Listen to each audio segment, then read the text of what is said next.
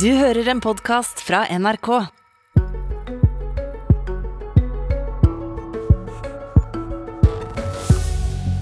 Jeg opplevde det som at vi gikk litt inn i en sorgprosess. At det var en del av det som virkelig var mye å leve for i Kirkenes, som, som vi mista den 24. februar.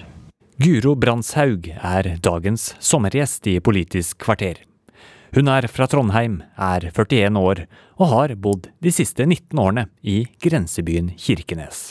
Det er et uh, multikulturelt samfunn i møtepunktet mellom øst og vest. Det er en natur som er en arktisk natur som er, den er røff, men den er også eh, svært eksotisk for en trønderjente som, som kommer oppover. Så, så, det har vært et, eh, et, veldig spennende sted å bo. Ikke, utkant, ikke en utkantbygd, men, et, men en by, et midtpunkt.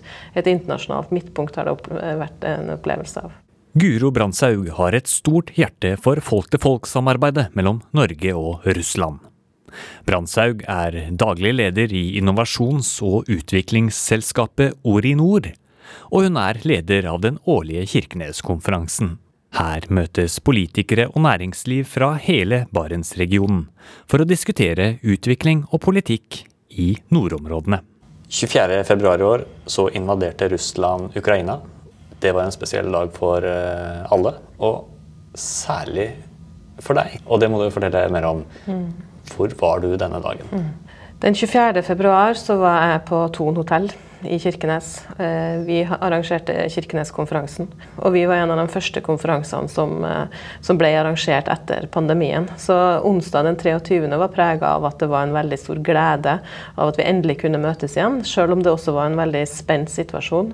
Når vi hadde den norske utenriksministeren og den russiske ambassadøren på plass, så, så var det en spent situasjon. Putin hadde jo to dager før eh, anerkjent de utbryterrepublikkene i, i Øst-Ukraina. Så det var en veldig spent situasjon, men likevel en veldig sånn positiv inngang på konferansen. Og så våkner vi morgenen 24.2, og man går inn og ser nyhetene og ser at det utenkelige har skjedd.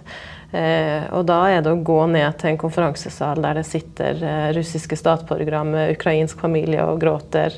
Eh, så det var en absurd situasjon å stå i. At den krigen skulle bryte ut. I utgangspunktet var jo en utenkelig situasjon, men at også da skulle gjøre det midt under en konferanse som handla om samarbeid i Barentsregionen, som handla om ikke minst samarbeidet med vår russiske nabo.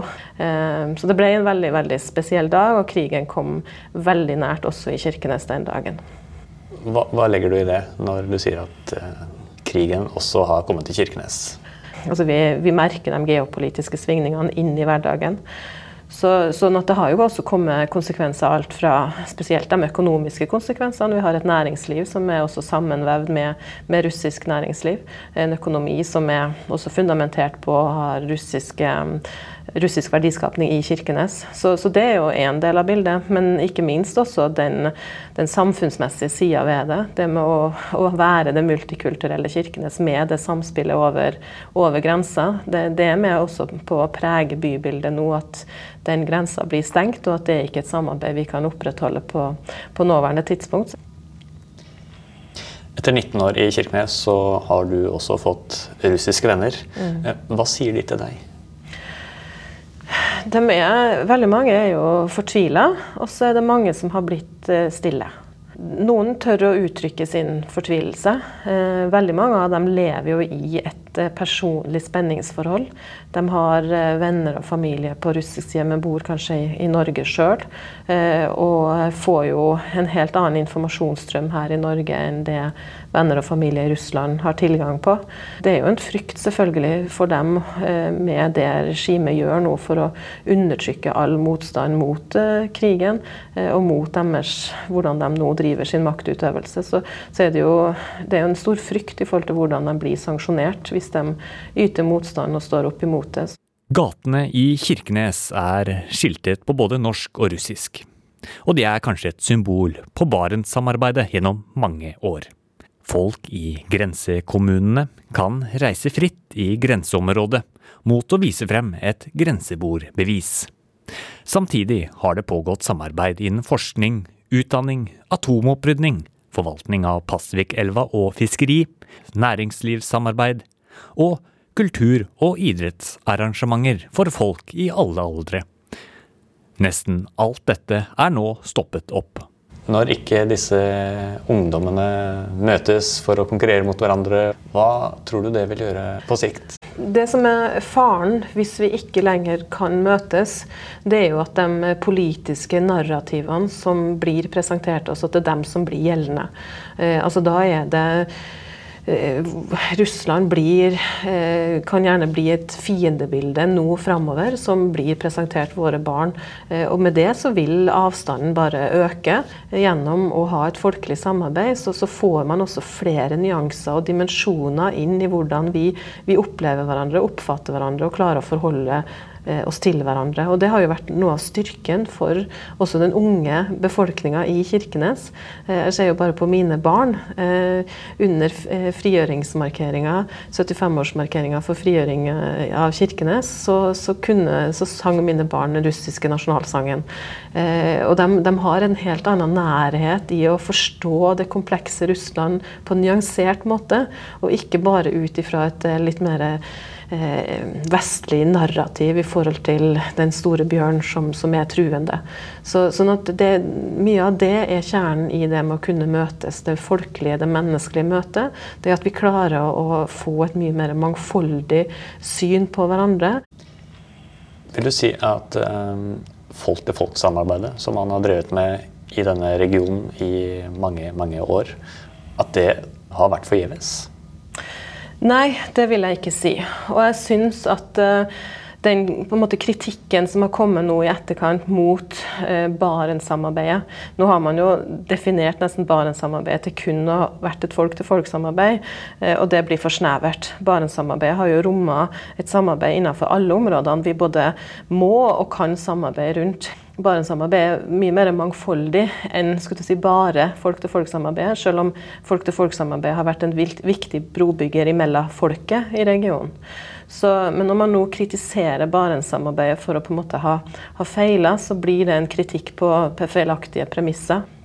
Eh, har de utenfor Kirkenes som har kritisert Kirkenes-samfunnet for å være for Russland-vennlig, eh, har de fått rett? Har Kirkenes-samfunnet vært for naive med tanke på samarbeidet med Russland når Russland går til krig mot et annet land? Nei, altså Vi har jobba veldig da eh, pragmatisk med, med, med Russland som, som, nabo. Og når man blir tatt for å være naiv, så, så blir det liksom da, da, I det så ligger det at vi har vært en, en brikke i eh, å skulle destabilisere Norge gjennom at Russland skal påvirke oss med sitt verdisyn, med, med, sine, eh, med sin politikk. Men, men, det blir jo litt et veldig forenkla bilde. For vår opplevelse er at vi har like mye gjort det motsatt vei. Vi har påvirka dem med vårt verdigrunnlag, og vi er veldig trygge i våre verdier på hva som, som er de demokratiske verdiene vi ønsker heller å påvirke motsatt vei. Jeg syns jo bildet i dag vitner jo til at eh, vi har hatt et nabo, vi har hatt et næringssamarbeid med Russland. Men når du ser nå på hva som virkelig er med på å holde rubelen oppe, så er jo det kjøp av russisk olje og gass. Så da er det vel kanskje litt eh, en annen dimensjon på naivitet når man har valgt å gjøre seg så avhengig av russisk eh, energi. Burde regjeringen ha eh, tatt mer hensyn til Øst-Finnmark og særlig Kirkenes når man da innførte sanksjoner mot Russland? Altså det er riktig og, og, viktig at Norge følger Europa og, og Vesten i sin sanksjonspolitikk. Eh, det som er viktig for næringslivet, også i Øst-Finnmark, det er jo en mest mulig grad av forutsigbarhet eh, innenfor de sanksjonene som, som, gjelder. At det er en god informasjon, at man vet hva som gjelder og hva som ikke gjelder. Tilbakemeldingene der er at det er vanskelig å orientere seg i forhold til hva som, som er lover og regler innenfor sanksjonsreglementet nå. Så det er en problemstilling. Men det vi også ser, som vi opplevde etter Krim, og gjerne også spesielt nå, det er jo at Norge har en tendens til å bli litt sånn moraliserende eh, i sin sanksjonspolitikk. At, det, at det nesten sanksjonene går litt utover det de egentlig eh, innebærer. Eh, vi ser jo f.eks. nå, og da er det ikke gjerne norske myndigheter som setter den begrensningene, men mer Norge som, som samfunn. Eh, vi har jo eksempler på bedrifter i Kirkenes som har hatt utfordringer med å gjennomføre sin næringsaktivitet, for de får ikke tilsendt deler eller det de trenger fra, fra andre selskap sør i landet, fordi de jobber inn mot russiske kunder. Sånn at vi blir litt, vi blir litt si, best i klassen da, i forhold til å utøve sanksjonspolitikk. og Da går vi nesten litt utover de rammene egentlig politikken gjelder. Eh, og så sanksjonerer vi nesten hardere enn skulle si, nødvendig. Eh, og klart Det får jo en ytterligere konsekvens for da, spesielt da det næringslivet i, i Øst-Finnmark som er veldig innretta mot uh, russisk næringssamarbeid. Og nå kanskje til elefanten i rommet. Hva nå? Ja. Hva skal man gjøre med samarbeidet med Russland? Vi må i hvert fall ikke gi opp. Vi kan ikke gi opp Russland. Russland vil være vår nabo i overskuelig framtid. Eh, og det er jo på et eh, pragmatisk eh, nivå at vi har klart å samarbeide så godt som vi har gjort i i eh, Barentsregionen med vår russiske nabo. Det er en kompleks nabo å forholde seg til. Det har det vært i alle årtier, og det, det kommer det nok alltid til å være. Men med et eh, pragmatisk utgangspunkt så har man samarbeida på de områdene man kan samarbeide. Eh, og man har jobba for å, å, påvirke det russiske samfunnet med de verdiene vi tror på, og som vi mener er viktige demokratiske verdier å bygge en samfunnsutvikling på. Men er det riktig at f.eks. våre politikere begynner å samarbeide igjen med russiske politikere som åpenlyst har støttet Russlands krigføring i Ukraina? Nei, det er jo nettopp det som er vanskelig nå. Eh, å se for seg at vi skal kunne jobbe med dem som vi har sett har stått fram og, og støtta krigen. Altså myndigheter både i, i, i, Murmansk og også mer nærliggende mot uh, grensa i Kirkenes. Uh, så det er vanskelig å se at vi skal klare å starte, starte, stake ut en ny kurs og fortsette med et godt samarbeid. Men, uh, men igjen så, så, er det den som blir veien å gå når krigen har tatt slutt. Eh, så må vi igjen begynne å opprette da arena for dialog igjen, for å se hvordan kan vi klare å bevege det her tilbake til en, i en bedre retning. Akkurat nå så virker det helt maktesløst, eh, men likevel så er det det vi må klamre oss til å tro på for at vi skal kunne påvirke det her til å bli, til å bli bedre og ikke verre. Samtidig som krigen i Ukraina har rammet samfunnet i Kirkenes, står samfunnet her også i et annet viktig dilemma av nasjonal betydning. Fraflytting har pågått i lang tid. Men utviklingen går bare raskere og raskere. Færre folk ved Norges grense i nord kan true vår suverenitet i nordområdene, mener Guro Brandshaug. Eh, I forhold til eh, suverenitet så, så, ser man jo altså Der er jo nesten krigen i Ukraina et eksempel på eh, at internasjonale grenser anerkjennes og overholdes jo ikke sånn som vi forventer at de skal gjøre. Til og med i en si, moderne verden så, så, er ikke det Så kan man jo ikke så, så, overholdes ikke de internasjonale grensene som, som de skal innenfor et internasjonalt regelverk. Og, og, da er det fortsatt viktig at vi har en bosetting innenfor våre landområder, og spesielt da mot grenser, som, som er med på å hevde vår suverenitet som nasjon der.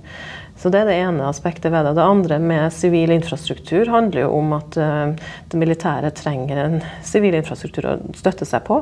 Uh, det blir jo fremheva at totalforsvaret er det som er avgjørende for, for motstandskraft mot militære angrep. Uh, og Da snakker vi om at vi trenger en, en, bosetting som er med på at vi har den sivile beredskapen og infrastrukturen på, på plass. Hva med Kirkenes fremover? Nei, i forhold til Kirkenes som samfunn, så er jeg spent på, på hvordan vi, vi, klarer altså Det internasjonale og multikulturelle har jo vært mye av styrken til Kirkenes. Eh, så eh, jeg er spent på hvordan vi klarer å ivareta den styrken når vi nå kjenner på at vi blir utfordra, eh, også i Kirkenes, på hvordan vi forholder oss til til våre russiske venner og, naboer eh, som bor i Kirkenes, men som også er rett på andre sida av grensa. Hvordan skal vi klare å få det til å fortsatt være en styrke i hvordan vi klarer å forholde oss til hverandre, og ikke tvert imot bli noe som vil kunne drive oss mer fra hverandre og skape en mer ustabil situasjon. Eh, samtidig så er det da spennende å se hvordan klarer vi å bringe inn ny økonomi. Eh, hvordan klarer vi å skape vekstkraft og attraktivitet i Kirkenes som samfunn, sånn at vi da klarer å snu den fraflyttingstrenden som, som vi opplever.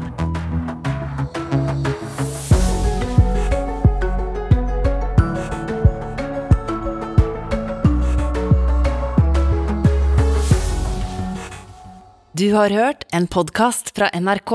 De nyeste episodene hører du først i appen NRK Radio.